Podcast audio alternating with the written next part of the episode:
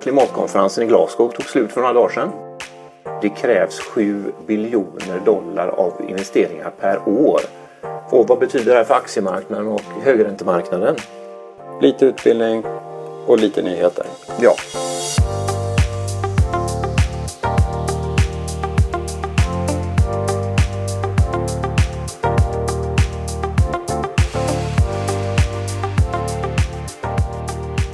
Välkomna till eh, Högräntepodden avsnitt 3. Det är jag som är Stefan Westfeldt. Och jag är Gustav Arnråker, förvaltare för Vingafonden och diskretionära mandat. Exakt. Idag tänkte vi Gustav prata om eh, klimatkonferensen i Glasgow som tog slut för några dagar sedan. Precis, idag är det fredagen den 19 och ja. det är precis en vecka sedan som Glasgow-mötet avslutades. Precis. Och vi tänkte väl prata om framförallt vilka ekonomiska konsekvenser det får, mm. inte de miljömässiga. Nej, precis. Nej, men för det var lite tråkigt. Det blev lite halvbärs där på slutet när Indien eh, inte ville helt fasa ut kolet utan fasa ner eller vad det blev ja. som slut. Men, men, men, det där kommer sannolikt förändras i nästa möte. Att man kommer, Indien kommer känna sig tvingade att gå med på en hårdare skrivelse. Men där står vi just nu. Ja.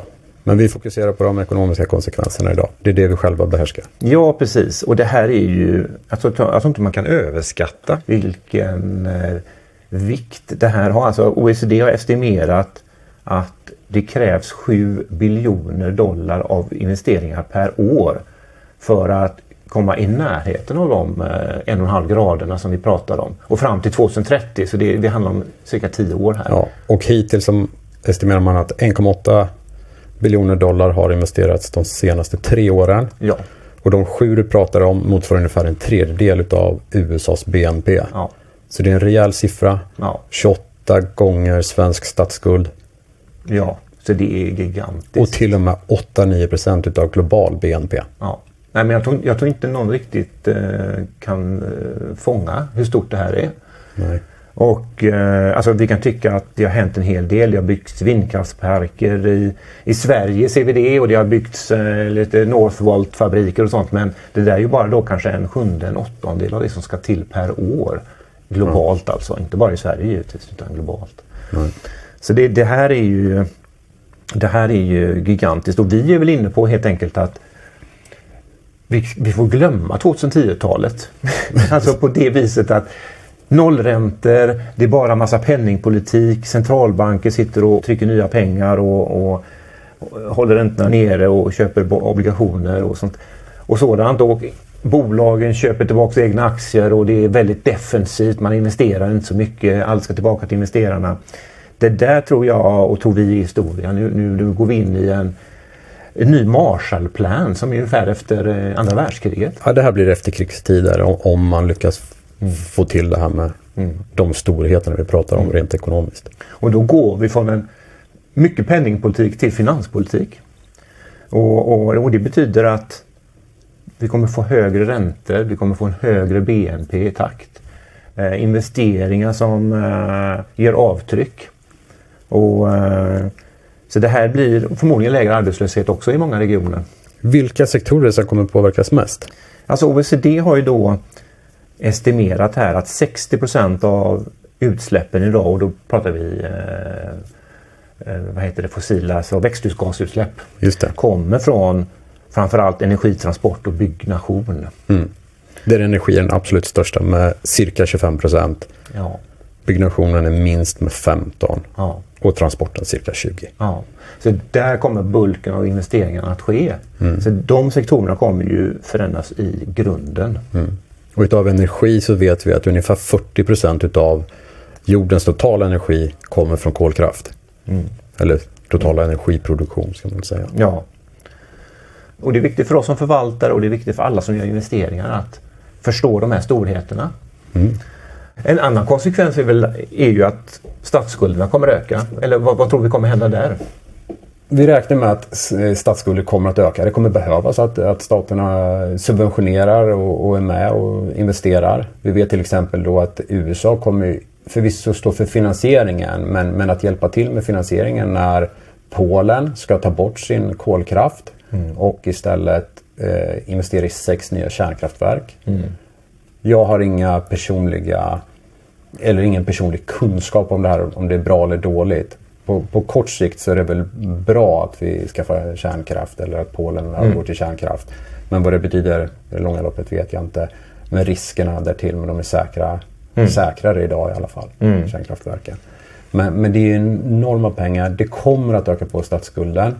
Samtidigt så kommer BNP att växa. Inflationen kommer vara hög så de, mm. de lånen kommer inte att bli större i, i andel av BNP. Nej. Så på det viset så, eh, så behöver det inte alls betyda att vi bygger upp en ny skuldfälla. Nej. Um, ja, men det här är ju stora saker vi pratar om. Och, och vad betyder det här för aktiemarknaden och högräntemarknaden? Här är det en massa ny teknik som kommer tas fram. Vi pratar allt om sån carbon capturing, vi pratar vätgas, vi pratar elflygplan och ja. minikärnkraftverk. Och... Ja, om vi kollar på de senaste 10-15 åren är det så big tech-bolagen. Det är Amazon, Google, mm. eh, Apple som har vuxit enormt stora. Microsoft har varit stora länge. Mm. Men vi tror ju att några av de stora jättebolagen kommer att komma från den här sektorn. Ja, så de nya stjärnbolagen, tes nya Tesla kommer hamna, komma från de här sektorerna. Ja. Men det där är ju väldigt spännande ur ett, kanske ett aktieperspektiv då. Att man, att man är med. Vi gillar ju inte så mycket binära utfall. Antingen funkar en teknik eller funkar den inte. Det är inte så roligt för en kreditinvesterare. Vi var nog inne på det förra gången vi pratade, förra avsnittet. Att, att de binära, där man kan som aktieinvesterare få tillbaka förluster. Vilket man som kreditinvesterare inte har råd med. Det, mm. det går inte. Nej, nej. Eller tar flera år att komma tillbaka. Ja, så vi vill ju ha stabila kassaflöden. Eller, och, eller i alla fall ett, ett marknadsvärde, ett börsvärde som stiger. Gärna mycket då som gör skulden mycket mindre. Vilket i och för sig inte skiljer aktieinvesteraren heller. Han vill också ha högre kurser. Det är riktigt. Det är riktigt. Så där, är det, där är det samma. Men Tesla som exempel? Ja, det, det är ju jättespännande. Uh, bara för uh, två, så, våren 2019 så handlade faktiskt Teslas high yield-obligation till yield 9 Och uh, sedan dess så har ju den aktien gått upp 2500 Ja. Och idag är Teslas skuldnivå på 1% skuld i förhållande till market cap. Och det är klart att då är kreditrisken borta i stort sett. Det, det finns liksom ingen risk att man inte kan betala tillbaka det lånet och så. Och där finns det ingen kreditrisk alls för de har inte ens obligationer utestående längre. Nej, nej. De Precis. är återköpta. Så det, det där är ju någonting som vi tittar mycket på. Vad, vad är eh, vilka, vilka sektorer, vilka enskilda bolag kan få en sån riktig aktieresa och, och som kommer gå upp, då gå upp snabbt i kreditkvalitet. Ja. Plus givetvis också mer traditionellt, vilka är riktigt kassaflödesgenererande som kan ha växande positiva kassaflöden. Och där har vi ju solkraft, eh, eh, solenergibolagen. De har varit med en stund. Vindkraftverken har varit med en stund. Eller mm. vindkraftbolag. Ja. Biogas. Ja. Så här har kommit många nya emissioner i, i, i nordiska högräntemarknaden som, eh, som har varit eh, jätteintressant och det finns allt från ganska ordentligt hög yield till eh, lägre yield. Men, men när det gäller de där mer binära utfallen så kan man ju faktiskt från ett kreditperspektiv då gå in i till exempel ett investmentbolag som har en portfölj av olika teknik. Eh, Vi har Aker i, i ja. Norge, ja. den stora här. Det är väl ett typiskt sånt bolag som, eh, som även kreditinvesterare kan få en, en riktigt bra resa i. Ja och bland eh, solenergibolagen så eh, har vi ju Alternus Energy Scatec, Etrion och Soltech och sånt på den nordiska högräntemarknaden. Alternus kan vi säga, då har vi ju gått in i själva i Vinga. Ja. Och, och bland vindbolagen har vi ju European Energy och de tar ju också fram även solenergiparker och sådant men de gör mycket inom vind. Mm. Och Citon då som är en, eh, en servicebolag till vindsektorn. Precis. Och bland biogasbolagen har vi Scandinavian Biogas som också Vinga är med i. Eh, så här finns mycket eh, intressant idag. Ja. Så summa summarum, när vi har stått inför en viss oro med inflation som vi kollar på som kom en väldigt, väldigt hög siffra här förra veckan var det va? Mm. Strax över 6% i USA. Mm. Men så vet vi samtidigt när vi kollar på spotpriser på frakt och råvaror att det har kommit ner ganska kraftigt. Mm. För den siffran släpar ju lite. Så det ser bättre ut inför 2022. Ja. Där vi inte behöver oroa oss lika mycket inför inflationen. Tror vi. Det, det, vi vet idag. Ja. Det ser ut som att det trendar neråt. så är det verkligen. Och, idag, så- idag kommer ju oljan ner en bit till. Ja, och sen så även då med den tapering som man flaggar för. Mm. Då tror vi att det här ändå kan vara motvikten Mm. till det som kan göra att vi faktiskt står för en enormt stark tioårsperiod till. Mm, mm. Ja men det är ju intressant och, och många pratar om att nu kanske börsen har nått ett, en, en topp här och så vidare och det kanske den har men, men eh, På kort sikt eller Ja. så att det kommer sättning ska jag vilja säga. Det Ja. är inte omöjligt. nej precis men, men makrobilden är inte dålig. Utan tvärtom, vi ser ju liksom här, här, kan det, här kan vi ha fart i många år till. Precis. Vad händer nästa vecka då Stefan? Ja, alltså eh, nu är vi fortfarande mitt i rapportsäsongen för våra nordiska högräntebolag. De släpar ju efter, de är inte lika snabba som OMX30-bolagen så de rapporterar nu. Så det är mycket att följa med där. Eh, sen håller vi givetvis eh, koll på Kina där och fastighetssektorn. Eh, det har ju stabiliserats lite grann. Marknaden faller inte längre i alla fall. Nej.